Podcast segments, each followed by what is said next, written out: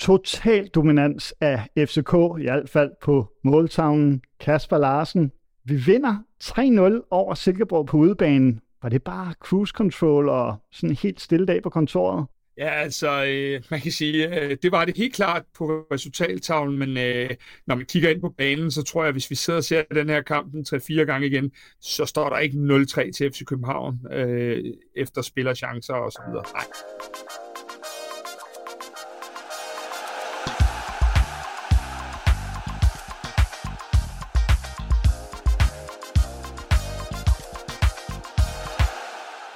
98 dage. Så lang tid er der gået, siden vi fans sidst blev forkælet med Superliga-bold.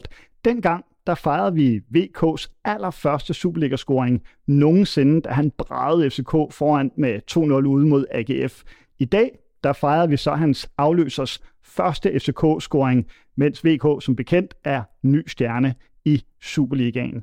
Meget sket siden sidst, og i dag skal vi se på, hvad svar som dagens kamp, dagens forårspremiere ude mod Silkeborg, de gav, udover at vi altså kom to point nærmere guldet, da FC Nordsjælland jo altså snublede i eftermiddags mod Lyngby.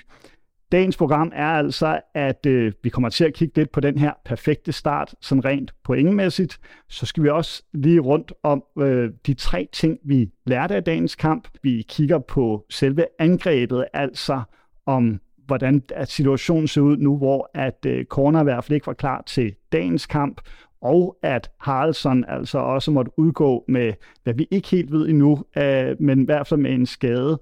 Og så skal vi høre, hvad I lytter og ser derude øh, har kåret, eller i hvert fald har tænkt, tror bliver forårets profil i FCK. Det er spørgsmålet for tre. Med mig, der har jeg som altid øh, Kasper Larsen, og så har jeg også dagens gæst, fodboldanalytiker Simon Andresen. Hej. Hvad, hvad var dit sådan allerførste sådan, indtryk af kampen?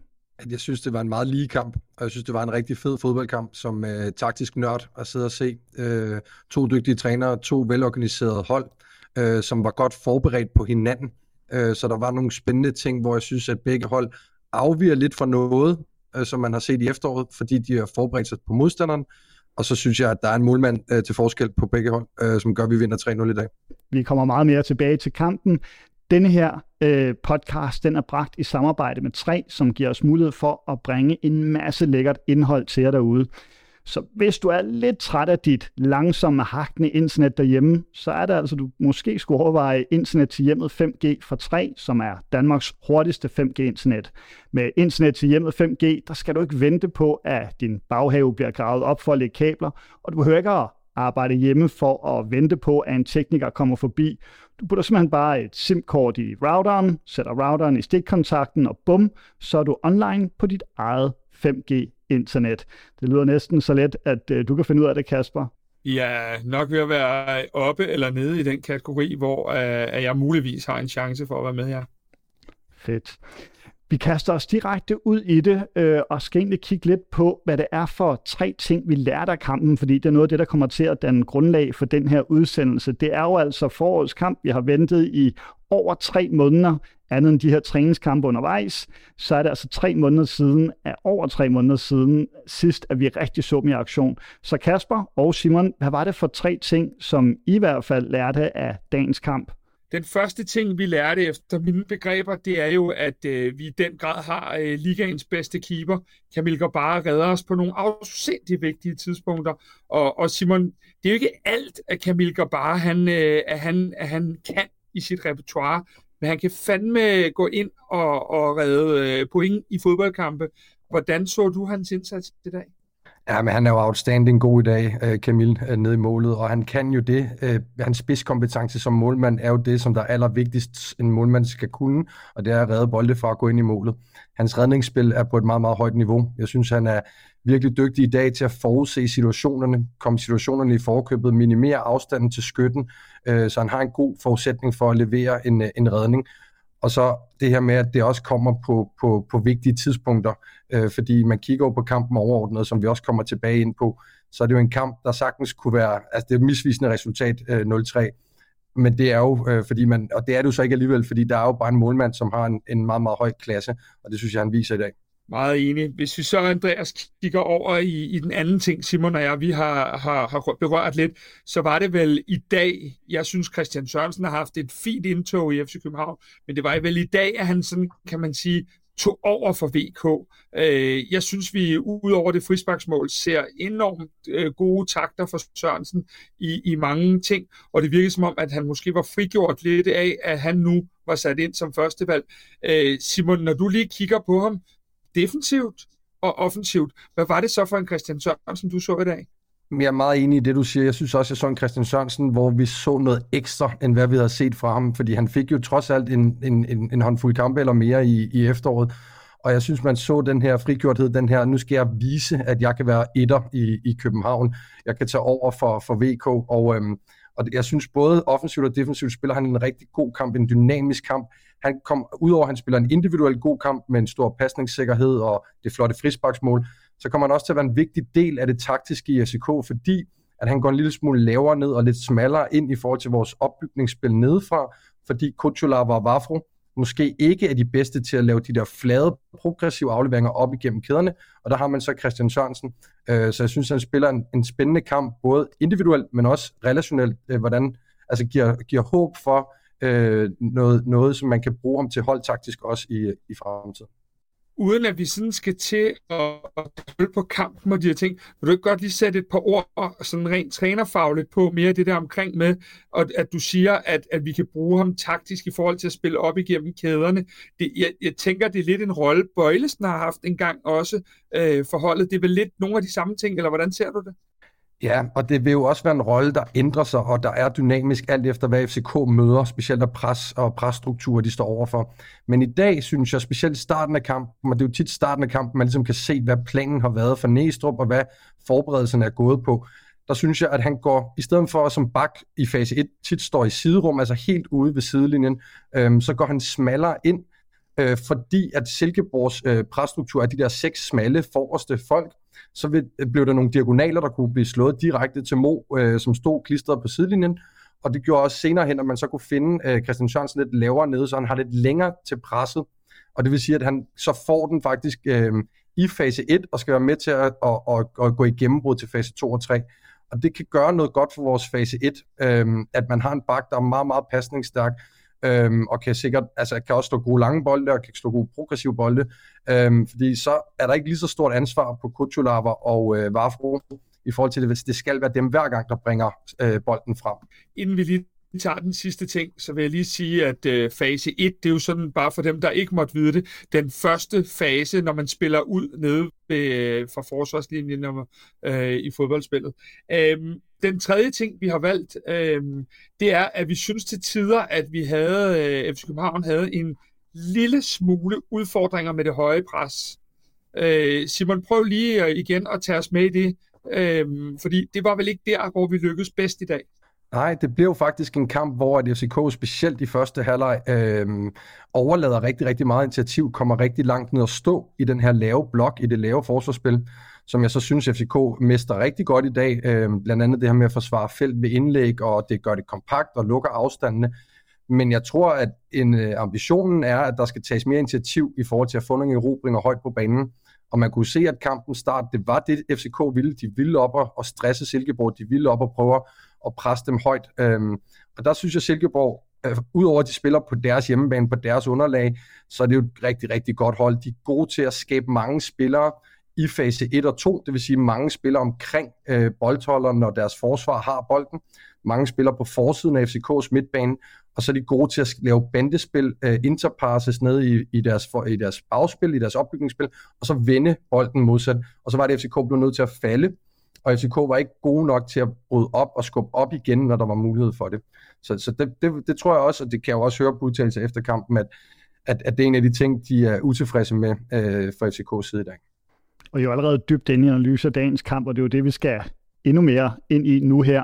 Men jeg kunne godt tænke mig sådan som helt bare ganske almindelig fodboldseer uden det faglige indblik, som I har, og så høre, hvad pokker er det egentlig for nogle mekanismer, der sætter i gang i forhold til, at vi begynder så svagt, hvor vi sidder og tænker på, okay, at det her, sådan her de her dage, hvor at det er ren overlevelse, så ryger bolden i kassen, vi får en 1-0, og i anden halvleg, der gentager det samme så Vi kommer ud, Silkeborg ligger et massivt pres, og jeg sidder i hvert fald som tilskuer og tænker, eller ser i det her tilfælde, og, og tænker, nu går det galt, bang, så scorer vi til 2-0. Er det tilfældigheder, eller hvad er det, der sker? Altså, hvis jeg skal starte på den, så vil jeg sige, at øh, jeg, jeg tror, at, vi vil, øh, at, at det er meget normalt i sådan en premiere, at du, du ved ikke rigtigt, hvor står vi i det her. Hvor, øh, hvor er vi? Øh, hvor langt er vi kommet? Øh, og det er heller ikke unormalt, at hjemmeholdet kommer som lyn og torden. Men øh, jeg synes personligt, øh, og jeg har allerede bedt vores analyseteam om at se, om det bare er noget, jeg synes, eller hvad. Jeg synes, vi havde øh, for få afleveringer i holdet i starten. Jeg synes, at vi er for hurtige til at, at søge en eller anden løsning, der, der ikke altid lykkes, og så får vi den tilbage igen. Jeg synes, øh, jeg synes at vi forsømte at få den spillet lidt rundt og spillet os langsomt ind i kampen, men vi forserede vores spil lidt, og det, øh, det magtede vi ikke i den periode, og så kommer der fuldstændig ro på med Sørensen. Øh, det, det er sådan min umiddelbare vurdering. Øh, jeg synes, vi får mange flere. Øh, jeg synes faktisk også, at anden halvleg, det er rigtigt, det starter skidt, men det er simpelthen nede på 2, 3, 4 minutter, som jeg ser det. Og så begynder vi at få flere afleveringer i holdet. Jeg håber, at vi kan få det bakket op i løbet af ugen i øh, analysen for teamet, for jeg synes, at når vi får flere afleveringer i holdet, så er vi bedre til ligesom at tage temperaturen på kampen. Og det var det, der lykkes i de perioder, ud over dem, du beskriver, Andreas. Øh, det er i hvert fald min, mit udlæg på det. Så må vi se, om, om jeg er helt skæv, eller hvad træneren siger derovre. Ja, nej, det synes jeg faktisk over, overhovedet ikke. Jeg synes, jeg tror, strategi, at man gik ind til kampen og ville gå, specielt på diagonalerne. Jeg synes, de første 10-12 minutter er der en 3-4 diagonaler fra Vafro og Kuchulava, hvor de går bredt øh, mod en kant, der står isoleret i en ved en. Og det kan jo godt være en god idé i forhold til at tage brødrene af et højt pres. Det ene ting er det mentale, der kan være i en forårspremiere, der kan være nogle, nogle naver og nogle tanker om, hvor man, hvor man er henne men vi spiller også et sted, hvor at, øh, der er rigtig, rigtig mange hold, der er blevet kørt på røv og albuer, også europæiske hold. FCK har ikke vundet over de sidste tre gange, de har været der. Øhm, så jeg tror, det, jeg, jeg kan godt lide ideen med at gå lidt længere for at tage prøven af Silkeborgs pres, men man skulle så have truffet bedre beslutninger i forhold til at træde på den og spille tilbage igen og sætte nogle flere afleveringer sammen. For der er jeg meget enig med Kasper, at der bliver en, en, en for lang periode i første halvleg, hvor at man ikke får fastholdt øh, kuglen i lange nok sekvenser, og man så samtidig heller ikke får lagt det højt tryk, så bliver det en kamp, hvor man kun føler, at man står i en lav blok og skal jagte Silkeborg rundt. Vi får jo altså scoret. Christian Sørensen banker den ind på frispark til 1-0. Jeg skal bare lige høre, var det her sådan en af de der bolde, som målmanden skulle have taget, eller, eller var den øh, bare kanon godt sat ind? Altså, øh, for mit vedkommende laver jeg jo altid tryktesten. Øh, hvad havde jeg tænkt, hvis det var i den modsatte ende? Og jeg tror nok, at jeg ikke havde været den største Camille Gabara-fan, fordi øh, hvis den bold skal gå ind, så skal den jo sidde enormt yderligt. For sidder den enormt yderligt, jamen så har han smækket den over muren, og så er det faktisk fair, at han scorer. Men øh, den er ikke meget forbi midten af målet, og derved skal han jo have den, og det ligner, at han står ret meget på flade fødder, uden at jeg skal gøre mig til målmandsspecialist. Så øh, jeg synes bestemt, at øh, nu sagde øh, vores gode ven her, Simon, i starten, det der med, at målmanden var en forskel. Øh, jeg synes måske, at Nikolaj Larsen er en af de bedre målmænd i Superligaen, men det var ikke i dag, han var det. Men, men han siger selv, at han ser den simpelthen i aller sidste øjeblik, det udtaler øh, han efter kampen. Er, er det en undskyldning, eller er vi heldige der? Det kan godt være, at det bliver sådan øh, måske lidt øh, karikeret, men jeg har sådan et princip, som jeg siger til mine målmænd, det er, at hvis bolden går i målet, så vil jeg gerne se, at du ligger ned. Og det er måske kan være lidt hårdt og sådan noget, men du har jo ikke nogen chance for at tage en bold, hvis du ikke går efter at tage bolden. Og det øh, kan jo godt være, at han ser den sent, og det øh, kan også være, at han var gået ind på bedre målmænd. Men jeg vil altid synes det her med, at når der, er, når der, når der er et mål, eller når der er en bold, der rammer øh, netmaskerne ind i målet, så, så forventer man også, at målmanden i hvert fald har gjort, hvad han kunne øh, for at prøve at tage den. Nu var jeg lavet rigtig meget inde på Christian Sørensen, en af de tre af de ting, vi lærte, men, men hvor solidt satte han sig på den her øh, venstre bak? Jamen, det der er, nu kan jeg jo tale lidt for preseason og for Portugal-turen og træningskampe og de ting, og det der har været, det er, at, at øh, vi har lige nu, vi har fire backs, men vi har en, til at, at starte. Øh, og der kan man sige, at det store spørgsmål har været, bliver Kevin Dix så god, at du er nødt til, i gåsøjne nødt til, at sætte Jelert over på venstrebakken, eller tager Christian Sørensen den her mere naturlige bakposition som en venstrebenet. Og, og, og det har været det spørgsmål, de har stillet sig selv ude til træningen, og de er helt komfortable ved det hele. Men der går Christian Sørensen ind jo og får den start i dag, hvor man sådan tænker, jamen han, han fortæller jo bare, at det, det, den kalkyle kan I godt droppe, fordi øh, jeg er her nu, gutter, og øh, nu har jeg været i klubben et halvt års tid, og nu er jeg klar til at udfylde den rolle, jeg også udfyldt i, i Viborg. Og Christian Sørensen har jo også siddet i en situation, det er jo ikke nogen hemmelighed, at vi øh, stenhårdt er gået efter en Jesus Vasquez i, øh, i øh, hvad hedder det, fra Spanien. Og der, øh, der må man bare sige, den selvtillid, han får med det mål, den er jo med til at præge hans spil. Øh, fordi jeg synes, han var udmærket i efteråret, men jeg synes, det han leverede i dag, der havde han lige lagt et lag på. Og der er jo nærmest sådan noget, han går ind og markerer ved at pege ned i jorden med, med et par fingre, som om, at han, han altså hører til her på banen. Noget, der minder lidt om en anden målscores fejring. Øh, ikke i dag, men, men da Lea er kommet tilbage på holdet og skulle markere over for, for en vis til, nytiltrådt cheftræner Næstrup, at han hører til på banen. Så har han sat sig på den her plads. Hvad siger du, Simon? Er den her en no-brainer nu fra, fra nu af for Næstrup? Ja, altså han har i hvert fald skabt en rigtig, rigtig god øh, betingelse for sig selv efter kampen i dag. Der er ikke nogen tvivl om, at det at have en venstrebenet vensterbak og være den eneste venstrebenet vensterbak, det er også et, øh, et plus. Øhm, og jeg tror, der, det er jo en ting er, at der skal være konkurrence i et miljø som FCK's, og, øh, og, og det er vigtigt for Nes, at han også ved og har set i opstarten her og i træningskampene, at der kan spille en anden derover, om det så er Kevin Dix eller Elias Jelert. Så jeg tror, at opstarten her har været, at at selvfølgelig skal der være konkurrence på alle pladser. Der skal også være en, en, en, en et helt øh, klart fundament, hvis der er en, en spiller, der bliver skadet. Hvem skal så spille derover? Og vi har jo set, at Jelert sagtens skal dække både højre og venstre. Øhm, så det tror jeg helt klart, han har. Og jeg synes også, at det vi så fra Christian Sørensen i dag, det er det, vi får minder til, hvordan han spillede, da han øh, det sidste halve år i Viborg, inden han blev solgt til FCK. Og hvis du kan være den bedste venstreback i Superligaen, som jeg synes, han var på det tidspunkt i Viborg, så kan man også være den bedste venstreback i Superligaen i FCK. Øh, faktisk har du måske endda bedre betingelser for at være det. Så det var dejligt at se. Det giver, øh, altså, det giver virkelig øh, det giver gode øh, forventninger til, til fremtiden for ham. Men alting kørte jo ikke helt, som det skulle i forsvaret. Vi var jo også allerede inde på det, de tre ting, vi lærte om, om, øh, om dagens kamp. Men Grabar kommer i hvert fald rigtig meget aktion, gør det fantastisk godt, men, men hvad er det, der gør, at, at Silkeborg får så let spil, øh, ikke bare i, i starten af første halvleg og starten af anden halvleg, men også sådan løbende igennem kampen, hvor han jo disker op med den ene pragtredning efter den anden?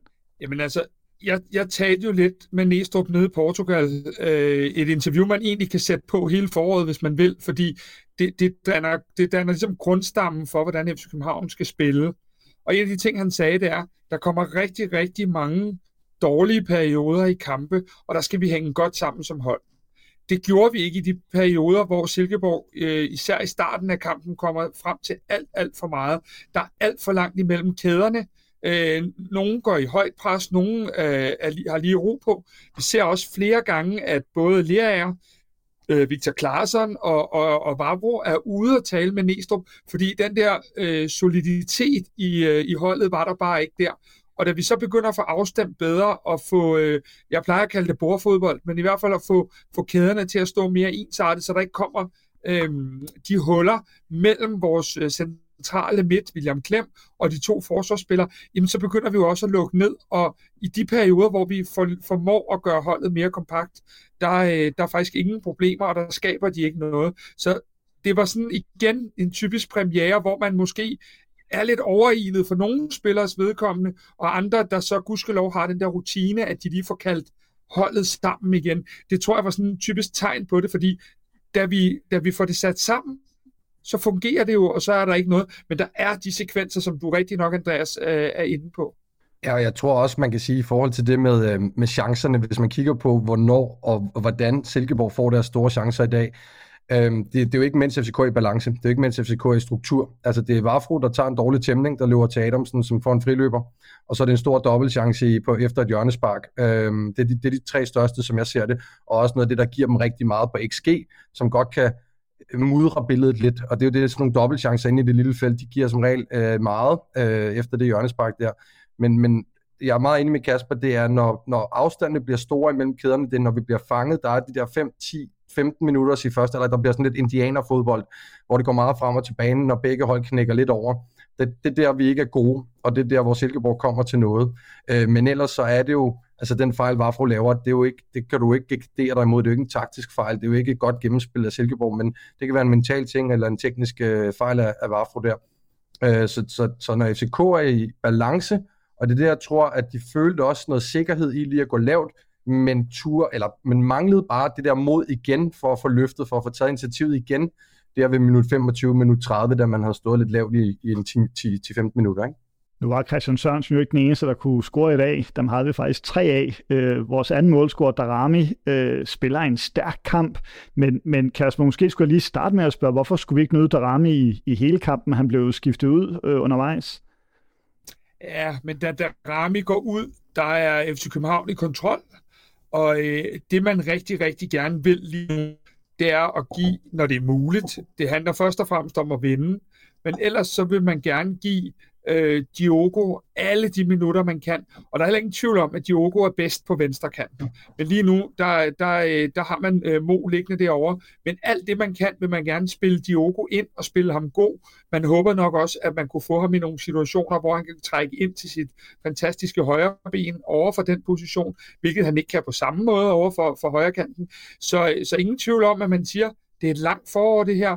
Øh, hvad hedder det? Vi, vi vil hellere prioritere i kan også se, der kommer ret mange udskiftninger. Så hele det der med at sige, vi har så mange, der, der kommer ind, og øh, altså Rooney, Rasmus Falk, øh, meget, meget logisk indskiftninger for Nistrup, også tidligt i kampen, så vi på den måde øh, fastholder, at vi ikke kun er 11, men at, at vi har et langt forår, i, øh, vi går i møde nu. Så for mig var det logisk, at, øh, at det var øh, Diogo, der får lov til at spille alt det, han kan lige nu, for ligesom at komme ind på holdet i øh, relationelt. Diogo vender vi tilbage til, men, men når vi skal kigge på, på de nye spillers præstation, vi havde jo to debutanter i dag øh, i Diogo og i Larsen. Men jeg skal lige høre, hvis vi lige gør Darami øh, færdig, fordi øh, han spiller da en ret god kamp i dag. Er han sådan et bud på forårets profil? Mo er altid i spil til at være en profil, fordi Mo er, er, har en voldsom x-faktor.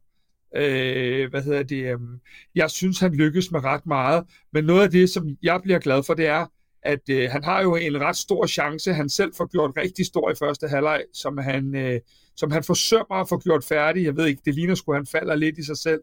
Øh, men jeg blev så glad for det øh, der Rami-mål. Ja, udover at jeg bare bliver glad for alle mål, fordi jeg synes, at hvis, han skal, hvis vi skal blive danske mester, og hvis Darami skal have den karriere, han fortjener, så skal han have et slutprodukt på. Og der blev jeg sådan lidt øv efter første halvleg, fordi jeg tænkte, nej, nu skal vi ikke i gang med det her igen hvor Amo Mo ikke lige det ene og det andet.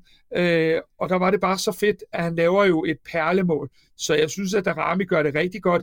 Og det sagt, så er der stadig 15, 20, 25 procent at gå på for ham, øh, for at op på sit niveau. Hvad tænker du, Simon? Hvor, hvor mange procent øh, mangler øh, Darami i forhold til det, vi så i dag? Jeg synes i hvert fald, at det var dejligt at se, at han scorer et mål, som er relationelt på sin første berøring. Det er ikke ofte, jeg har set Mo score så mange af de slags mål, hvor han, han linker op og, øh, og spiller et bandespil og går rundt om og, og får den igen og scorer på sin første berøring. Og, øh, og det er jo netop det her med slutproduktet, og det er jo ikke fordi Mo ikke er en relationelt god spiller, men hans spidskompetence har jo været i de år, han er kommet frem i FCK, hans individuelle pakke, hans 1v1 offensiv, hans drible øh, færdigheder, hans, øh, den, han, hans pågåenhed og hans udfordrende øh, tilgang til spillet hele tiden. Og, øhm, og, og det var, jeg synes, han spiller en, en god kamp i dag, og øhm, det er rigtigt nok, at det første, øh, den, den sekvens Kasper refererer til, der er sådan et classic øh, Mo, hvor man tænker, åh, ikke igen, øh, fordi han gør det godt og skaber en situation for sig selv, og så løber det ud i sandet. Men, øh, men en rigtig, rigtig, rigtig lovende kamp for ham, og jeg tror også, at hvis den har stået 0-0, så tror jeg ikke, man har taget Mo ud. Jeg skal ikke kunne sige, om der var noget med, med det fysiske og så videre, men jeg tror også, at øh, jeg køber også ind på præmissen omkring Diogo, og det får ham til at spille, men havde det været en kamp, jeg synes Mo var bedre end Diogo i forhold til, hvis det var en kamp, der skulle vindes, der stod 0-0, men, men jeg forstår også udmærket tankegang med at lade Diogo blive på, på banen.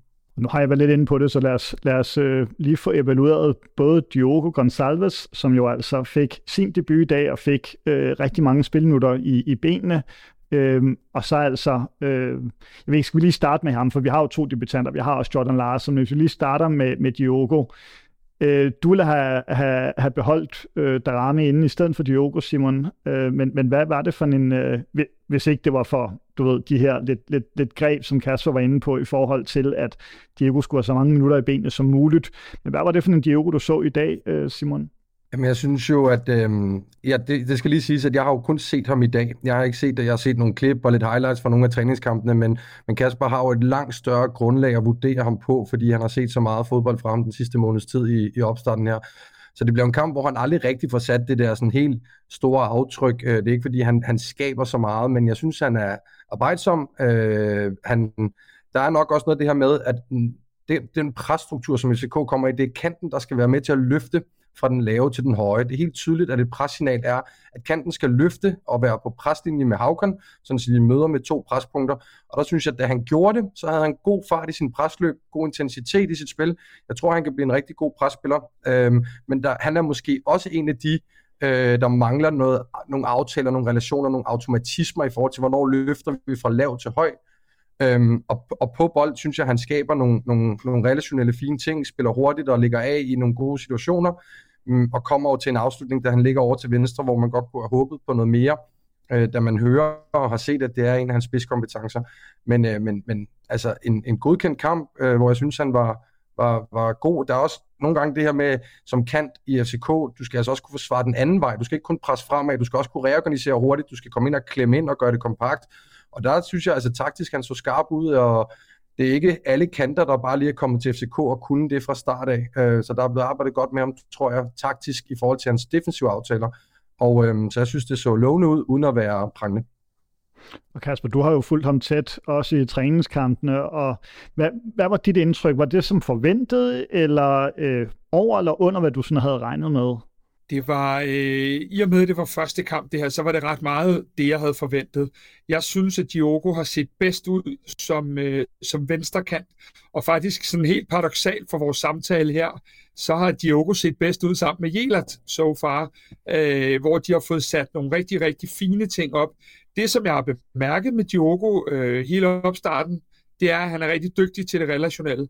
Han er han er god øh, i, i sine øh, små rum sammen med, øh, med Klaarsson, der har spillet der, med Jela, der har spillet der osv. Øh, I dag er han jo øh, han er gennemsnitlig i dag, øh, og han, øh, han arbejder sindssygt godt. Han har nogle, nogle fine momenter i første halvleg, men jeg tror, at øh, jeg tror ikke, at vi ser det allerbedste for Diogo her de næste to, tre, fire uger. Jeg tror, der skal arbejdes med nogle ting endnu, før han øh, står knivskarp. Gudskelov kom han tidligt i vinduet, men, øh, men, men der mangler nogle ting endnu, og så er han altså bare klart bedst på venstre, øh, hvor han hele tiden kan gå ind i banen og få sin bak på yderkanten, og så enten spille bande eller få afsluttet selv.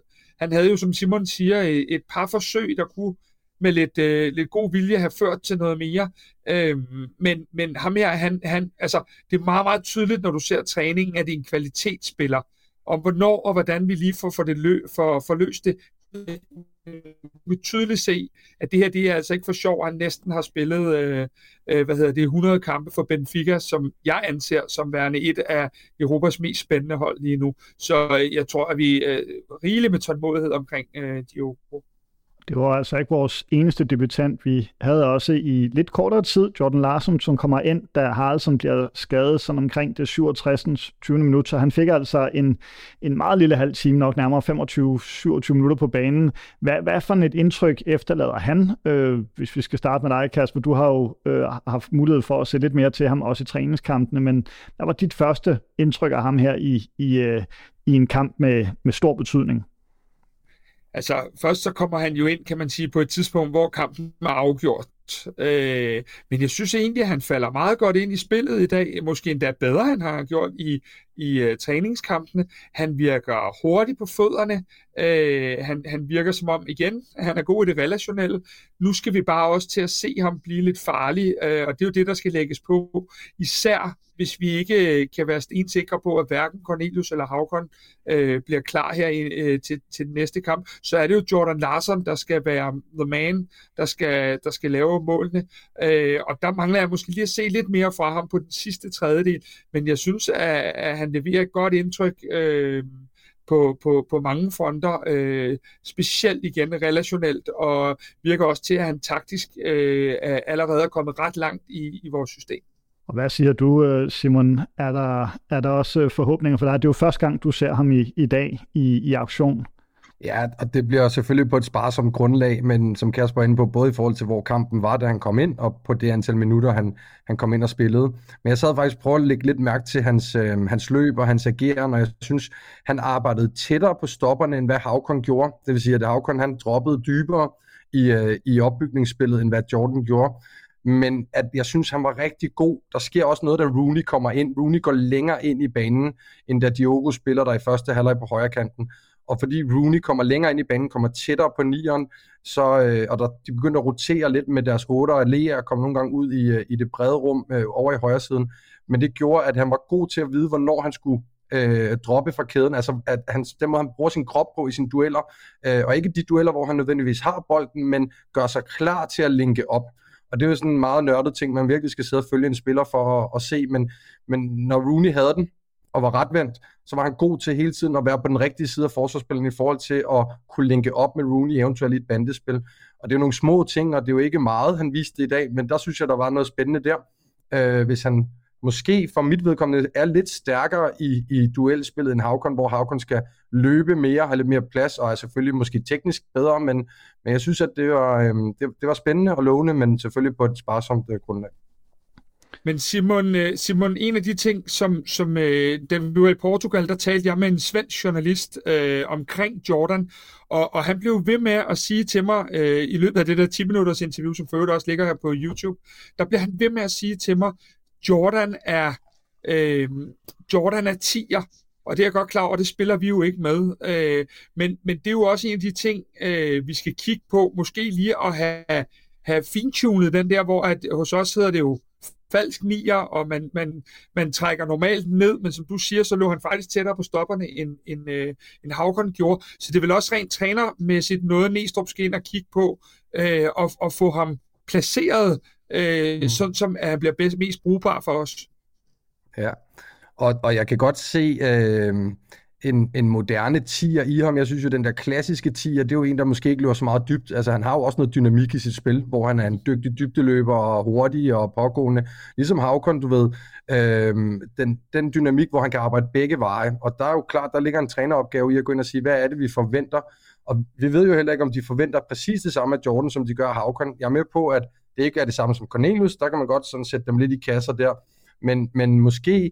Øhm, er, kan det jo være, at man ligesom begynder at bruge ham lidt mere som dybdeløber og gå ind og, og strækker kæden også lidt, i stedet for at falde for meget ned. Øhm, men, men det er jo det, vi må se nu, hvis han får nogle minutter. Ja. Jeg kunne godt tænke mig lige at hive fat i en anden ting, du sagde, øh, og få et fagperspektiv på. Fordi da Rooney kommer ind og, og, og, og agerer meget inde i, i midten af banen, øh, med, øh, nærmest konstant. Øh, der ser vi jo næsten øh, Lukas Lea som en, en højere ving. Kan du ikke lige prøve øh, rent trænermæssigt at fortælle, hvad er det Næstrup gerne vil, vil der? Jeg er faktisk rigtig glad for, at du øh, spørger, og, fordi det var også en af de ting, jeg virkelig noterede mig. Og det er jo klart, at vi har jo set at øh, hele Næstrup og det, vi har siddet og vurderet Næstrup på i efteråret, det var jo øh, kampforberedende. Øh, han havde en-to dage på banen, og så var der en ny kamp hele tiden. Nu har han haft den her tid, så jeg sad netop og kiggede efter nuancerne, specielt på bold. Hvad, hvad var der af nye ting, vi kunne se på bold? Og jeg synes, det var helt tydeligt, at i første halvleg, der ville de gerne holde Diogo og Mo bredt i de to siderum ud langs kanterne, for at kunne blive isoleret i noget 1v1 med Silkeborgs øh, bak. Men lige så snart Rooney kom ind, så er der en nuance i spillet, at Rooney han går ind og arbejder mere i halvrummene, går længere ind i banen, og så kunne det være en øh, Lukas Lea, det kunne også være en Elias Jæler, der optager det her siderum, det brede rum. Og det er jo blevet så moderne med rotationer i, i, i, i topmoderne fodbold i dag. Og det er jo med til at skabe, øh, at, at Silkeborgs øh, forsvarsspil og Silkeborgs pres, de skal lige pludselig forholde sig til nogle nye spillere i nogle nye positioner, der vil være større chance for at skabe et overtal. Sådan så hvis Lea får den i siderum, så har han måske nu både øh, øh, øh Jæler, der kan komme udenom. Han har, øh, øh, hvad det hedder, Rooney, der ligger inde i halvrummet. Han har en Jordan, der ligger inde i det centrale rum. Så det skaber muligheder for at skabe noget ubalance og noget lokalt overtal. Øhm, og det synes jeg er rigtig spændende at se, fordi der, de gør det også lidt inden centralt i dag med Klaarsson, der nogle gange dropper ned, så det ligner, de har to sekser, hvis der er behov for det i opbygningsspillet. Øh, og øh, jeg synes også, den her midtbane, den er blevet mere dynamisk. Det er ikke så fastlåst, hvem der skal ligge i forrummet, hvem der er sekseren. Og du er også selv derinde på det, Næstrup er også selv inde på det i den snak, du har med ham, at det er mere dynamisk i forhold til positioner definerede spillere i forrum altid, eller at Lea og Klasen ikke også kan godt kan begynde at gå bredt. Så, så det er nogle gode nuancer, som er spændende at, at følge. Og nu er vi allerede godt i gang med, med analysen, som også inkluderer vores angrebsspil, fordi vi kommer ikke rigtig udenom, øh, at, at vi har i hvert fald en udfordring i, i angrebet, og det er, at, at den mand, der ligesom var købt ind til at være den helt store bombe på, på toppen, corner, Cornelius, han var ikke klar i dag. Han blev skadet til øh, under træningen op til en af træningskampene i, i Portugal. Øh, først skulle man lige høre, Kasper, inden vi kaster os over det her angrebstema, som vi jo er godt i gang med, men, men hvad er status på, på corner? Øhm, nu skal jeg passe på, hvad jeg siger, men øhm, jeg vil ikke blive overrasket, hvis der gik øh, lidt tid endnu, før Andreas Cornelius han spiller øh, førsteholdsfodbold i FC København. Og noget tid, det ved jeg godt, det er fluffy, men øh, jeg, jeg, jeg tror ikke, at, at vi ser ham øh, de næste par uger i hvert fald. Så langt øh, tør jeg godt at spå lidt ind i. Og det giver os jo så i hvert fald den problemstilling, eller måske den lettelse for Næstrup i forhold til alle de offensive spillere, han har. Jeg tror ikke, at Næstrup ser det her som en positiv ting, men at, at der bliver nødt til at være nogle nye konstellationer. Vi så noget af det i dag. Men hvis vi lige ser lidt længere, lidt bredere ud end bare dagens kamp og de øh, forløbige svar, som sådan en forårspremiere gav. Hvad, hvad, hvad kan I så se, det her angrebsspil øh, kan gøre? Og her vil jeg godt lige skyde den her anden ubekendte faktor ind, øh, som jo altså er, er en, en hal, som, som jo altså må udgå med, hvad vi ikke helt ved endnu. Øh, og der kommer nok også gå til at gå lidt tid, før vi lige ved, om, om, om det holder ham ude. Så hvad er det for nogle muligheder i angrebet, hvis vi altså ser lidt frem, og ikke bare på dagens kamp, som, som Næstrup skal, hvilke scenarier der han skal ud i? Jamen altså, først og fremmest så bringer det jo Jordan Larsen øh, i, i øh, højeste grad i spil lynhurtigt, fra faktisk måske for halvanden uge siden at have været tredjevalget til den position. Jamen, så ligner han jo, øh, uden at vi skal gøre os til læger, så ligner han jo øh, en starter mod øh, AB. Men øh, jeg, øh, ah, jeg ved ikke, jeg, jeg synes, at øh, noget af det, jeg godt kunne lide i dag, når vi kigger på det angrebsspil, du spørger ind til, det er, at noget af det, jeg var allermest bange for inden kampen, og som egentlig har været en lille smule bange for hele måneden her, øh, det var kynismen. Jeg synes, at vi har, øh, vi har været meget, meget boglamme foran målet, hvilket også, nu kan jeg ikke huske, hvad status blev, men noget, der ligner, øh, ved jeg ikke, 9 ud af 14 halvleje i træningskampen, eller noget, hvor vi ikke har scoret. Og jeg ved godt, at et af træningskampe, jeg synes bare, der har været for mange svipser foran mål. Og der må man bare sige i dag, at vi er kliniske, vi er kyniske, og øh, så tror jeg, at vores to otter, man siger, Lukas scorer allerede i dag, men at vores to 8 også kan blive en rigtig fin nøgle der i forhold til, øh, til vores angrebsspil, fordi Klaarsson kommer ind med Mo i feltet rigtig mange gange. Vi ser Lukas komme op i det der hissige pres, der jo lige pludselig fører til, at han også får scoret. Øhm, så jeg tror også, at vi, øh, vi kommer til at se en del kasser fra vores øh, otter, og så øh, må man bare sige, jamen, øh, hallo Jordan Larsen, du skal på træningsbanen i næste uge, for du skal til at lave kasser, sandsynligvis på søndag, som, øh, som verden ser ud lige nu. Men er det så enkelt, at corner ude, så er det altså Larsson ind, eller corner og Haraldsson, hvis vi antager, at han er ude, fordi ellers så går jeg ud fra, at, at Haraldsson stadigvæk er, er starter. Men er det så let, at vi bare smider ham ind, eller hvad giver det af, af, af sådan andre rokeringer, potentielle andre rokeringer? Og det er et åbent spørgsmål, så jeg ved ikke, hvem der har lyst til at byde ind, Kasper eller Simon. Nej, altså jeg tænker, hvis Kasper er nok mere skarp på i forhold til, hvordan det øh, dynamikken i truppen, og hvem det ellers kan være, men i forhold til det sådan øh, taktiske og det fodboldfaglige, så synes jeg, altså en ting er, at Jordan er ny, og der kan være noget, det er en indkøringsperiode, som vi også snakker om med Diogo, og der kan være noget relationelt, der skal sætte sig, før at det ligesom bliver øh, rigtig godt. Øh, når man kigger på forskellen imellem det her med, når corner spiller og, øh, og en af de mindre typer, hvis vi kategoriserer Havkon og, øh, og Jordan i samme øh, bås, så er det klart, at jeg synes, det største ulempe, vi, vi, vi møder, og som jeg synes, vi ser lidt i dag, det er vores indlægsspil. Jeg er ikke sikker på, at vores spil fra fase 1 i vores opbygningsspil bliver dårligere. Jeg er ikke sikker på, at vi... Nu ser vi jo faktisk, at det mål Lea laver, er jo en lang bold fra Gabrata, hvor Lea bare skubber sig op på lange dropbolde, som vi har hørt Næstrup sige, at corner var en, øh, en ekstra et ekstra våben. Øh, jeg kan huske den kamp i Randers, tror jeg der i efteråret, hvor han kommer ind, og vi, vi løser det høje pres ved at bare droppe bolde til Cornelius. Det, altså, Klaasson og Lea er i min verden også stærke nok til, at man godt kan gøre det.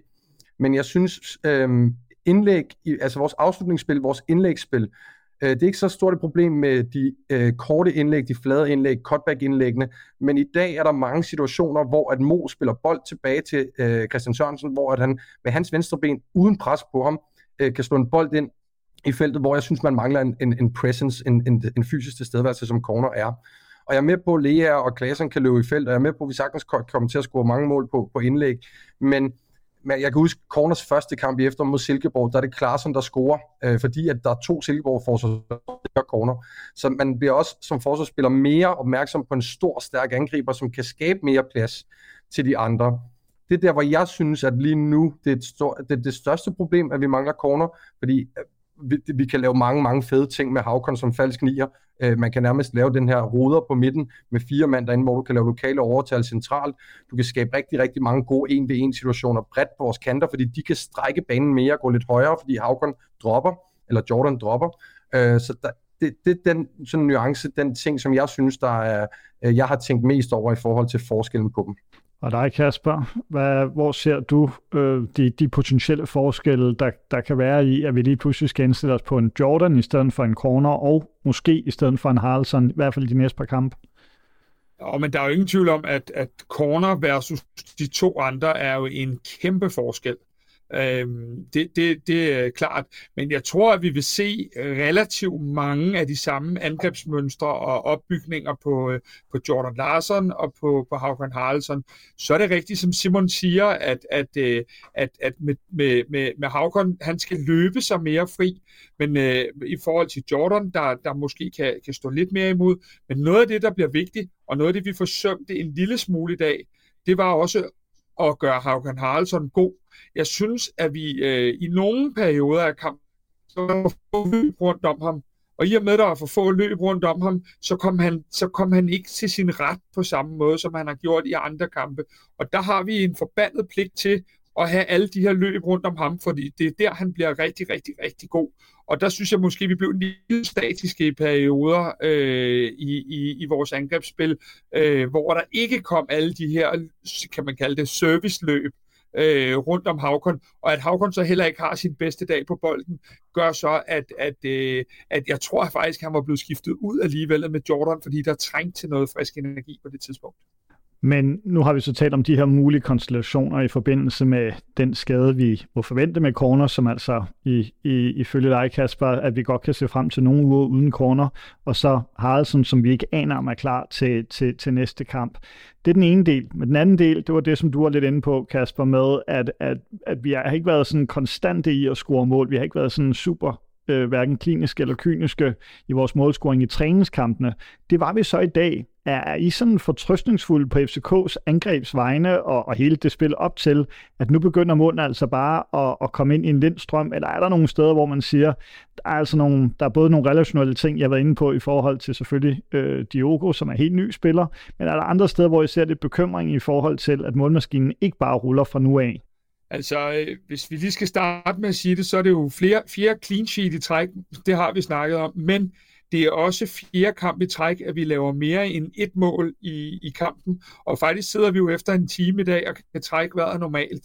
Så, så det, det, det, der er jo ikke noget overordnet problemstilling, men det er klart, at hvis du har en Havkon og en corner ude i to-tre uger, jamen så ligger der lige pludselig enormt meget spilletid til en Jordan Larsen, som har haft et, skal vi sige det pænt, ufatteligt svært efterår hos Schalke 04, og som måske ha, skal have 1, 2, 3 succesoplevelser, øh, inden at han helt er i sit S. Det kan vi jo sagtens prøve at give ham øh, på, på søndag mod AB.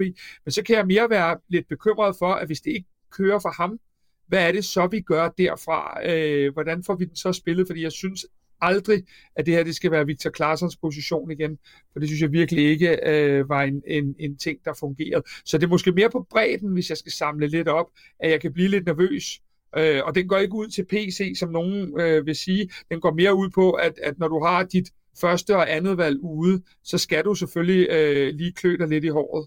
Hvad siger du til det, Simon? Enig? Eller... Ja, ja, helt klart. Altså, der er ikke nogen tvivl om, at FCK har, øh, nu har vi set og snakket så meget om det sidste års tid, at der manglede øh, kvalitet at komme ind fra, fra bænken, både fordi man i de sidste år til halvanden har ført mange af de unge ind, og nogle af de indkøb, der har været, de øh, ikke, har, ikke har ramt plet.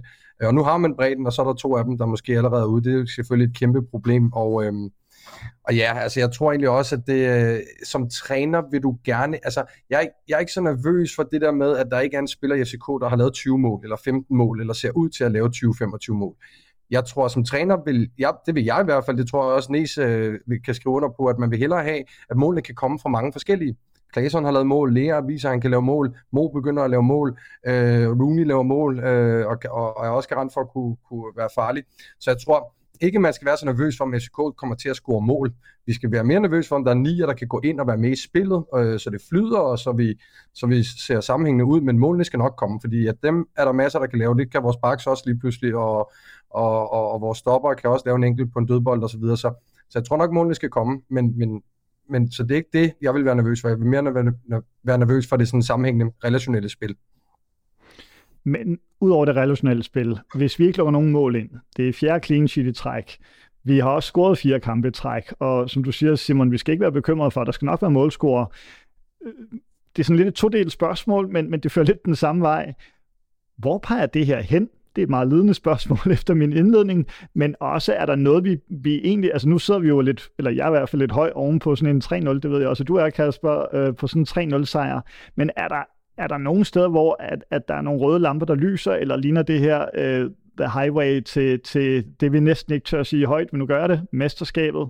Ud fra dagens kamp, så synes jeg stadigvæk, at man hele tiden skal holde sig for øje, øh, og det ved alle, der har spillet fodbold på et relativt niveau, at, øh, at, at den første kamp, det er tit noget bøvlet noget, og du ved ikke, hvor du står, du ved ikke, hvor modstanderen står osv. Sammenlagt af dagens kamp er rigtig, rigtig stærkt. Øh, jeg ville have ønsket mig lige, at de ikke havde fået lov at lave de der to-tre øh, halvstore chancer, men når jeg så overordnet spoler tiden tilbage fra hvad, 10. januar, eller hvornår de gik i gang igen, øh, så har vi set enormt kompakte ud i de fleste af træningskampene. Så jeg er faktisk ikke så nervøs lige nu, også fordi jeg synes, vi kigger ind i et rigtig godt program for, for FC København den næste måneds tid. Øh, øh, hvor vi så måske kan, kan, kan få repareret lidt og få lidt flere øh, med i bredden på den her 9'er position. Øh, så, så jeg har ikke rigtig nogen alarmklokker, der ringer, øh, også fordi jeg netop synes, øh, at der er så mange, der byder ind med, med mål og assist. Og igen, jeg nødt til at fremhæve igen. Vi sætter Rasmus Falk ind i dag, vi sætter Rooney ind, vi sætter Kevin Dix ind, øh, vi, vi sætter Stamenic ind. Øh, jeg, jeg, jeg synes, det er... Øh, jeg synes, det er top, top klasse trup, vi har. Og der er så mange, der løber, de presser hinanden helt absurd ud til træningen. Og vi skal ikke, øh, altså, jeg ville da være, øh, øh, jeg, jeg ville med at have det svært og stramt, hvis jeg var øh, øh, Næstrup og skulle, øh, skulle bænke Rooney igen, fordi han bare kommer ind og er så eksplosiv i det, han laver. Han er dygtig, han er relationel, han er farlig, han er pågående, og han er målsøgende. Nogle gange kunne Rooney godt have en tendens til at være lidt, øh, så løb han lidt ude på kanten, snød en mand og sådan noget. Her, han går jo på kassen konstant. Så jeg synes, at der er så mange ting, der peger fremad her, så øh, øh nervøs, det, øh, det, det, det kan vi være på andre tidspunkter, men, men ikke i dag for mit vedkommende i hvert fald. Simon, det kan være, jeg skal, skal vende spørgsmålet lidt om, nu hvor du er den neutrale her i, i det her studie, og så spørge, øh, hvor skal man sætte ind mod FCK, hvis, hvis, øh, hvis vi, og nu bruger jeg dine egne ord imod dig, hvis, hvis man ikke skal bekymre sig om, at FCK scorer, fordi det skal de nok gøre, dem har de mange af, øh, og at det er så svært, man skal have så højt en XG for at score mod Grabara. Hvad er det sådan for en våben, man skal hive frem af, af skuffen som, som modstanders træner, modstanderhold, for at bremse FCK? Ja, man skal være rigtig, rigtig, rigtig dygtig til at udnytte de få momenter, som FCK giver ubalance væk. Fordi det er det, jeg synes, Næstrup har været allerbedst til, efter han har taget over. Det er at skabe balance, kompakthed, afstand, kortere afstand. Så det, som Silkeborg gør i dag, øh, da, de første, da de er gode de der 10-15 minutter, hvor de er rigtig gode i første eller i starten af kampen, det er at spille ud af det høje pres, og så angribe fremad, og så angribe i længderetningen, spille fremad. Og man kan høre, Ken Nielsen står også og bliver øh, træt af, at de stopper med at spille fremad, fordi det er der, FCK begynder selvfølgelig at falde lavere, og selvfølgelig give bolden væk, men de giver bolden væk på forsiden. Så FCK kommer til at øh, kan huske, et, jeg synes, ja, det er sådan en, i hvert fald en skræmme referencekamp for mig i forhold til Nordstrand-kampen, den første Nordstrand-kamp i efteråret, hvor øh, Nordstrands keeper bare skabte et overtal i fase 1. Hver evig eneste sekvens, Nordstrand spillede ud nedefra, kunne ikke fange bolden overhovedet. Så hvis FCK har ambitionen om at blive ved med at presse højt, så vil der være hold, hvis de er dygtige nok til at spille bag de første 4-5-6 presspillere, at komme afsted i længderetningen og spille, altså, så får du nogle af løbeduellerne med Kutulab og Vafro, så får du noget, hvor afstanden er større, hvor de ikke har lige så god støtte og lige så meget kompakt omkring sig. Øhm, så det tror jeg, at øh, vil være opmærksom på. Og så, altså, man kan sige, nu er ved jeg godt, at SK har været gode på, øh, andre situationer generelt i det her år. Men, øh, men det der korte hjørnespark, de lige tager SK på sengen, det kan der være, der er andre hold, der måske også lige kigger en ekstra gang på den, som Silkeborg skabte øh, chance på i dag. Ja. Jeg bliver næsten Mads, den der, den, ja. den, den, den, den, klipper du, den klipper du skulle lige ud, den der sidste ting, Simon siger der. Det er der ikke grund til, at vi får her OB. Ej, ja. Jeg er så bange for, at andre, der også så dagens kamp, men, men ja, øh, det, ja. Det, det, det, peger jo godt hen, og lige nu kan vi jo sidde, og det må vi altså også godt tillade os at være lidt glade og lidt højere over, i hvert fald øh, os to, Kasper, Øh, øh, og alle jer, der lytter med formentlig, i hvert fald langt størstedelen af jer, der lytter med, over at ikke bare vandt vi 3-0 på noget, der måske ikke helt var cruise control, men alligevel lugtede af, af noget, der godt kunne gå ind og blive rigtig godt. Men FC Nordsjælland snublede jo altså også som bekendt mod Lyngby, hvilket gør, at vi lige pludselig kun er 6 point fra. Øh, og det er jo sådan et fuldstændig klassisk spørgsmål, men jeg ved, at det er det, som mange sidder og tænker derude. Altså, øhm, hvad vil du sætte på procenter, Kasper, i forhold til, vi, vi er 6 point fra FC Nordsjælland. Hvad, ser, ser det her godt ud, eller var det her en, øh, bare en, for, altså en sæsonpremiere, øh, forårspremiere, og det kan vi ikke sige så meget om endnu? Jeg vil, øh, jeg, vil gerne, øh, jeg vil gerne svinge mig lidt op i dag, Andreas. Nu, øh, det fortjener du sgu her. Øhm, helt alvorligt, jeg synes, at øh, det her, det var den sværeste runde af de fem, der er tilbage. Og når jeg siger runde, så mener jeg Nordsjællands kamp, og FC Københavns kamp. Øh, at vi går ud i dag og henter de to første point på FC Nordsjælland, det er i en kamp, hvor de har det ubestridt dårligste hold i ligaen, øh, tør jeg godt at sige, for vi skal ikke møde dem mere øh, i det her forår. Øh, så folk glemt den, når vi møder dem igen på et tidspunkt. Øh, hvad hedder det? Det, det, det er sådan den, den ene af tingene. Den anden af tingene er, at de så ikke særlig solide ud. Nu var jeg så heldig at se i hvert fald øh, dele af kampen, og øh, jeg synes, at de havde nogle mangler. De er ikke særlig øh, brede i deres trup, på, specielt ikke på deres midterforsvarspositioner. Der har de allerede, øh, hvad hedder det, øh, Nagalo ude. Jeg har allerede lige været inde og se, han har to spilledags karantæne. Øh, programmet ligger de næste fire runder til FC København, stort set uge efter uge, som værende det nemmeste. Og det kan man jo så altid sige, hvad er det nemmeste. Øh, så er der en anden facet, vi kan selv afgøre, om vi vil være danske mestre nu. Det kunne vi ikke inden i dag, det kan vi nu. Og den sidste ting er, at vi også skal huske, vi går altså ind og henter tre mål øh, rent målscoringsmæssigt. Jeg ved godt, det er tidligt at kigge på det, men de havde, øh, havde et rimelig stort, solidt forspring på målscoren, og det går vi allerede ind og, og kapper i en runde, som i den grad ikke lå til os. Jeg tror, vi øh, begge to, Andreas, ville have været helt vildt tilfredse, hvis der havde været status quo efter i dag, da vi kigger går ind i runden. Så, øh, så øh, på den led kan man sige, at øh, du vil gerne have procenter. Den er øh, på den pæne side af 50 procent nu, øh, og det var den ikke inden dagens kamp. Vi skal også have lidt at give af i næste uge og ugen efter og sådan noget. Så, øh, men det var, øh, det var et kæmpe skridt i dag mod også at lægge den der... Øh, øh, den der presbold på de her gutter oppe i farven, som ikke er vant til at spille om mesterskabet hver år. Der var det en solid presbold, vi ligger på dem øh, allerede i første runde. I ved, hvordan momentum er. Havkon Haraldsson siger til mig, jeg spørger ham nede i Portugal, øh, Havkon, øh, hvad hedder det, hvad, hvad, hvad, hvad, hvorfor bliver FC København danske mester, Eller kan vi blive det? Og jeg stiller de her så vanlige kedelige spørgsmål, og så siger han, jamen, øh, vi skal have klaret den første runde, vi skal slå Silkeborg, så skal du bare se. Og egentlig kan jeg godt følge ham. Øh, dermed ikke sagt, at vi hverken bliver det ene eller det andet nu, for der var for plads til forbedringer. Men det, det, det, jeg er meget optimistisk i forhold til, hvad jeg var i går.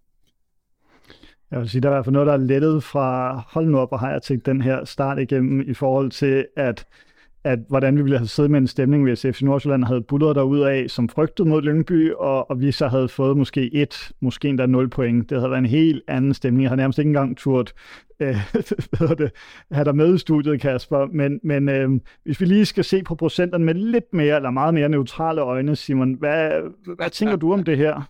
Jeg, jeg synes jo faktisk, at det er lidt forbløffende. Jeg er meget overrasket over, at Nordsjælland ikke slår Lyngby i dag. Jeg, øh, jeg, jeg må sige, jeg har kæmpe kæmpe, kæmpe respekt for det valg, de træffer med at give øh, Johannes Hoff, øh, hvad det hedder, det, trænerposten deroppe hen over vinteren her, øh, som vi har mødt. Øh, jeg har mødt nogle gange, da han var 17-træner, og lige pludselig har han gjort komikkarriere øh, i, øh, i Nordsjælland, og er meget, meget tydelig, kommunikativt rigtig, rigtig dygtig. Samtidig med, hvis de fik Wahid Fagir i gang, de fik øh, Marcondes hjem, jeg er med på bredden, er der ikke, men jeg troede faktisk, jeg sagde Fagir, da han kommer, det er så et halvt år siden, og så har han jo ikke rigtig været i gang, det kan blive sådan en game changer for Nordsjælland, en relationelt stærk spiller, som kan gå ind og gøre nogle af de der hurtige kanter øh, bedre. Øh, så jeg, øh, altså jeg, jeg, jeg, jeg har meget stor respekt for både det arbejde, der blev lavet i Viborg og Nordsjælland specielt, og jeg, øh, jeg tænkte faktisk lidt, da de hentede Macondes og, og, og, og nu øh, fik, fik, fik i gang og sådan nogle ting, ikke? Så, så der, jeg vil ikke gå over 50 procent, men jeg vil så også, jeg, jeg køber den der, Kasper siger med, det her var den sværeste kamp, nu hedder den altså OB og OB, og er det Horsens, vi også har, tror jeg, de tre af de næste fire, sådan som jeg lige husker det, ikke? Så, så jeg er med på, at FCK kommer bullerne nu, og det ser meget, meget, meget solidt ud og stærkt ud, det Næstrup har lavet. Jeg tror, han har jo ikke stadig ikke tabt i ligaen, vel, og et snit på over to og sådan nogle ting, så, så, så, så det ser rigtig godt ud. Men jeg synes også, at Nordstand er, er, ser spændende ud, det må jeg sige. Og nu hvor vi er i gang med at spå om fremtiden, så skal vi altså også lige høre, hvordan I har spået, fordi at det spørgsmål, vi stillede, ugens tre spørgsmål, det var nemlig, hvem bliver forårets profil i FCK, og hvorfor. Øh, og det havde I ret mange, faktisk virkelig mange gode bud på. Tusind tak for dem. Og jeg må altså bare sige, at de stak i alle mulige retninger. Det er jo ikke nødvendigvis et dårligt tegn, det var bare et tegn på vores brede trup. Jeg kan sige, at Allan Berg Mortensen, han gjorde det meget kort og kontant. Jordan Larsen, og så et øh, bål og fire on fire tegn. Øh, til gengæld så tror Dennis øh, Bøjsjøl Møller, at Diogo ødelægger suppen. Øh, Peter Porsmose fremhævede Grabare. Øh, Kasper Vorsø Madsen siger, jeg tror, det bliver øh, Elias Jelert. Han kommer til at blomstre helt vildt op nu. Jeg kan mærke det. Øh, mens at Simon Johannes Harder siger, at Håkon står på dørtrinnet for et kæmpe skift og har gjort så mange ting rigtigt. Jeg tror, der kommer mere slutprodukt, og han bliver en voldsom profil, der sælges for et rekordsalg næste sommer. Diogo, Grabada øh, og Håkan var nogle af dem, der gik rigtig meget igen. Øhm, men der var altså også andre, Chilikon Arne, øh, nævner også dem som, øh, og Rooney som nogle af de helt oplagte, men øh, hvis det skulle stå mellem øh, to, så skulle der altså enten Lea eller Grabara, og der vælger øh, Chilikon Arne, altså Lea. Øh, Don Del Donde vælger til gengæld Grabara og siger, at han skydes af for 150 millioner kroner til sommer. Taksfeldt mener, at Rooney kommer til at udlægge ligaen, og Darami øh, har Alexander Nielsen som sit bud. 10 mål og 5 oplæg, så er den sikker. Jeg må indrømme, det bud, jeg allerbedst kunne lide, sådan også lidt taget dagen i gang, øh, dagens kamp i, i betragtning nu, hvor at, øh, at vi altså har to angriber ude. Det er det bud, som Martin Andersen kommer med. Den eneste, der ikke bliver skadet. Hvad med jer, øh, Kasper og Simon, hvis I skulle komme med jeres bud på forårets FCK-profil? Jeg ved ikke, hvem der, vil, hvem der tør ligge ud her. Jamen, det, det, det, det skal jeg nok gøre, men øh, mit problem er jo, at øh, ham, jeg tror på, han øh, får at tage Martin Andersens øh, sidste her, ham, jeg tror på, han, øh, han gik ud med en skade i dag. Men men jeg, jeg vælger at gå, øh, altså du kan jo, det, det, jeg synes, der er det fedeste, hvis jeg skal starte der, det er, Andreas, du har siddet og nævnt en 8-10 spillere, det synes jeg alligevel ikke, at vi er vant til i FC København, selvom vi har mange dygtige spillere, men at der er så mange, der kan gå ind og blive forårets profil lige frem, det, øh, det synes jeg er imponerende, og jeg synes, det er fedt. Øhm, jeg, jeg, jeg, jeg tænker, at, øh, at, at vi kommer ikke til at vinde et dansk mesterskab, hvis Kamil bare han ikke står op til sit bedste. Og jeg ved, at han skal sælges til sommer. Så jeg ved også, at han kommer til at have hver en fiber i kroppen, der er spændt på at levere et dansk mesterskab og, og slutte af i København med at løfte pokalen, og så øh, blive solgt for et uhyggeligt beløb. Men ellers så, øh, så går jeg med Havkon, og det er også fordi, jeg gerne vil lige have Elias Bjørn sæson mere, så, så øh, er jeg helgarderet nu, er tror jeg. Hvad med dig, Simon? Har du brug for en helgardering, eller kan du være lidt mere, øh, lidt mere hvad hedder det, sikker i din, øh, din sag? Nej, men jeg vil i hvert fald gerne gå med en spiller, øh, så det tænker jeg ikke er en hel gardering. Jeg, det er lidt med udgangspunkt i, at jeg også er, jeg er, jeg er ungdomstræner på 19-niveau, så man følger mange af de her transitioner, de spillere, der slår igennem, og selvom det selvfølgelig er et lavere niveau. Men jeg kommer til at sige Rooney, og det gør jeg, på, fordi at jeg, øh, jeg ser mange af den der, altså en ting er, at der er kommet styr på hans kontrakt, han har forlænget nu, og det virker til, at der er kommet styr på, på den del af det men også det her med, at der er mange unge spillere, når de får deres første seniordebut, når de går fra at være U17 og 19 og kommer op og får den der, så piker de, eller så, så brager de igennem, og Rooney gjorde det samme og kom ind og scorede mål og var god i de første par kampe, han kom ind øh, for efterhånden, var det et år siden. Og så faldt den der lille downperiode, og jeg tror, når du lander igen efter den der downperiode, hvor du kommer ind, og nu er der også styr på kontrakten, der er styr på, at han har sin base i FCK og sådan nogle ting. Og jeg er med på, at der er stor konkurrence, øh, fordi han skal også konkurrere med, med, med Diogo og, og Mo og sådan noget, men ja, jeg, jeg håber, øh, fordi jeg, jeg kan jo rigtig godt lide, når de unge de går ind og brænder, brænder det af. Øh, så, så det bliver mit bud. Jeg kunne godt tænke mig at stille Simon et spørgsmål, fordi vi har talt om. Simon, øh, hvad hedder det? Hvis nu, og det er et hvis nu, at, at, at tingene de ikke helt spiller rent skadesmæssigt af det, vi har set indtil videre. Vil du turde lægge Rooney ind som træner ind i midten i stedet for, øh, eller er han for øh, stationær til at ligge derinde på, på den position, som Havkon og, øh, og øh, hvad hedder det, Larsen også skal udfylde? Og det tror jeg, jeg vil passe på med. Altså, det vil jeg i hvert fald personligt ikke gøre. Jeg synes, at der, der er ikke... Altså, det, man skal selvfølgelig altid have for øje, at det er en ung spiller, som sådan, den udvikling, han er igennem, er stadig at slå igennem kontinuerligt på seniorniveau. Kom ind og virkelig øh, bevise over længere tid, at han er bidraget til holdet med mål og assist. Og det venstre ben, han er bedst, når Rooney er retvendt, når han har nogen, han kan linke op med. Han er blevet meget bedre i sit relationelle spil, synes jeg, efter han er blevet seniorspiller. Altså på 19, der så man jo nogle af de der vanvidsmål, han lavede, hvor han bare driblede 4-5 mand. Men nu er det jo oftest ved hjælp af sine holdkammerater, han sætter sig selv op. Og det synes jeg tit, han gør fra positioner, hvor han er retvendt lidt længere tilbage og kan spille frem på nogen, som ligger på sidste linje. Øhm, og det vil jeg, så det vil jeg, øh, jeg er enig i, at Klaarsson og Isak har vist også spillet derop før og sådan nogle ting.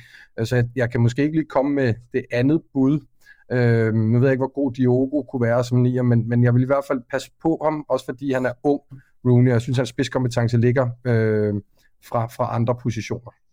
Uh, en, en anden ting, som vi måske faktisk lige skal berøre, som, som, som i den grad også er interessant.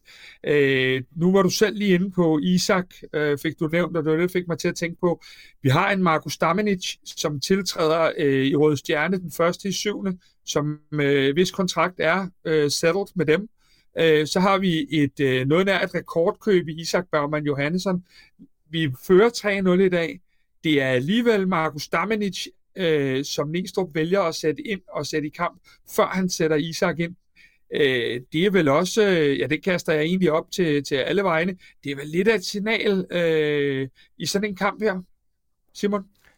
Ja, jeg tror, at det indtryk, jeg har fået af Næstrup indtil videre, og hørt mange af de interviews, han har givet, øhm, det er, at jeg tror simpelthen, at Næstrup spiller dem, der træner bedst. Jeg tror, han, altså, jeg tror ikke, han tænker frem til, hvem der har en kontrakt, og hvem der ikke har, og hvor meget de er blevet handlet for, og jeg tror, der er selvfølgelig noget i det her med, at Diogo er, er købt, og han vil gerne sørge for, at nu han som, som, som en ny øh, køb i klubben og kommet ind her, og, og, og der tænker han selvfølgelig over det her med, at han spiller. Men jeg tror, at når det kommer til det der, jeg tror, at Stamnitz kommer til at konkurrere på lige vilkår med løbet af, af foråret, selvom der skulle være et øh, udløb eller en, en, en ny, øh, altså at han skifter til, til sommer. Det er nok det bedste bud, jeg kan give dig, fordi jeg tror også hurtigt, du kan miste en eller anden form for øh, integritet og autoritet i det, du laver, hvis du kan se, at der er nogen, der bare, hvis nu øh, Stamlis løber og giver øh, øh, rigtig god gas og giver den fuld smadret på træningsbanen, og man så ikke sætter ham ind, så kan det også være noget, der skaber et lidt dårligt øh, signal øh, til andre. Ikke? Stærk pointe, stærk pointe jeg skulle tage min egen forårsprofil, så må det altså blive Grabare. Jeg synes, han var helt eminent i dag. Jeg synes, han har været eminent længe. Øh, han bliver jo øh, fortjent årets målmand øh, sidste år, og jeg tror, han gentager det stykke meget mere til, og så tror jeg, vi skal kigge efter en ny målmand til sommer, fordi øh, vi kan simpelthen ikke holde på ham. Øh, jeg synes, han er simpelthen outstanding. Jeg håber selvfølgelig ikke, han bliver så markant i den næste par kampe, at vi ikke får brug for hans øh, fantomredninger, men, men, men det er bare imponerende, kom ikke ret godt rundt om det. Øhm, det tænker jeg, jeg, jeg tænker måske det eneste, vi lige skulle nævne, øh, en, en anden spiller, der gjorde det rigtig godt, ikke at vi skal tilbage til analyse af kampen, men det er jo, det er jo Lea, og hvis ikke du føler, du har fået nok af ham, kære lytter, øh, eller ser, så er der altså mulighed for at, at se med. Du, du var jo på café med ham øh, i torsdags, Kasper. Hvad var det for en ja, oplevelse? Jeg var, det var en fed oplevelse. Øh, der er jo ikke nogen tvivl om, at, at, at Lukas er en bedre otter, end han er en, øh, en social guy, der kan, kan, kan lide at sidde foran en, øh, en fuldstændig øh, udspoldt øh, øh, café.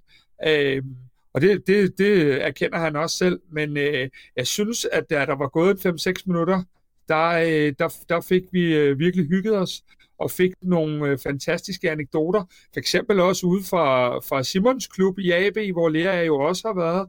Øh, vi havde besøg af hans øh, utrolig søde kone, Michelle, på, øh, på, øh, i sofaen også, og, og øh, så havde vi lidt overraskelse, om hans bedste ven var igennem på en telefon, og så videre. Så det er, det er en helt anden side af Lukas Lea, end den I normale oplever, som, øh, som vi fik frem øh, i, i torsdag. Så det, er, det var i hvert fald en stor oplevelse for mig, og øh, ja, så håber jeg sgu også, det, at det kunne blive det for lytteren. Men øh, det var i hvert fald en fed aften øh, på deres café i øh, More Living Café, ja. Jeg har lige sådan her på falderæbet en, en faktisk en, en lille breaking. Øh, for jeg kan simpelthen fortælle det her lukkede forum, at der lander en kommende FCK-spiller i København inden for den næste uges tid. Han hedder Christian Skadhed, kan jeg godt afsløre, og hvis ikke du lige har hørt om ham, så er det altså fordi, han ikke er født endnu. Jeg skal nemlig være far. Øh, og det står der ikke lige i Vadus.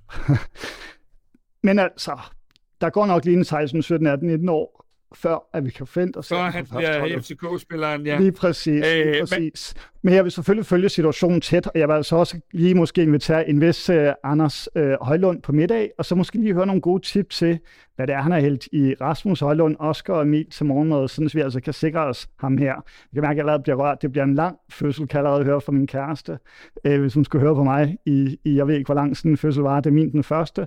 Men det er også bare for at sige, at jeg går på barsel, så nu er jeg altså overladet øh, værtspinden til alle de andre gode værter på, på, på kvart i bold.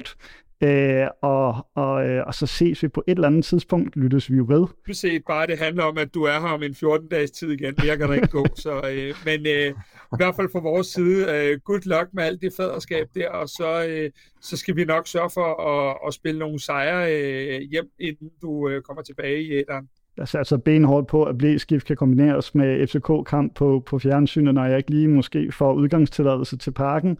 Hvem ved, hvad der sker? Øh, I hvert fald så uh, tusind tak til dig, der lyttede, til dig, der så med. Også tak til Simon for at være med. Tusind tak for det og de fantastiske indsigter. Og endelig selvfølgelig også tak til 3 for at gøre de her udsendelser mulige, alt det her indhold. Vi ses ikke forløbigt, men der er meget mere indhold øh, til dig fra Kasper og resten af holdet øvrigt. Tusind tak for i dag.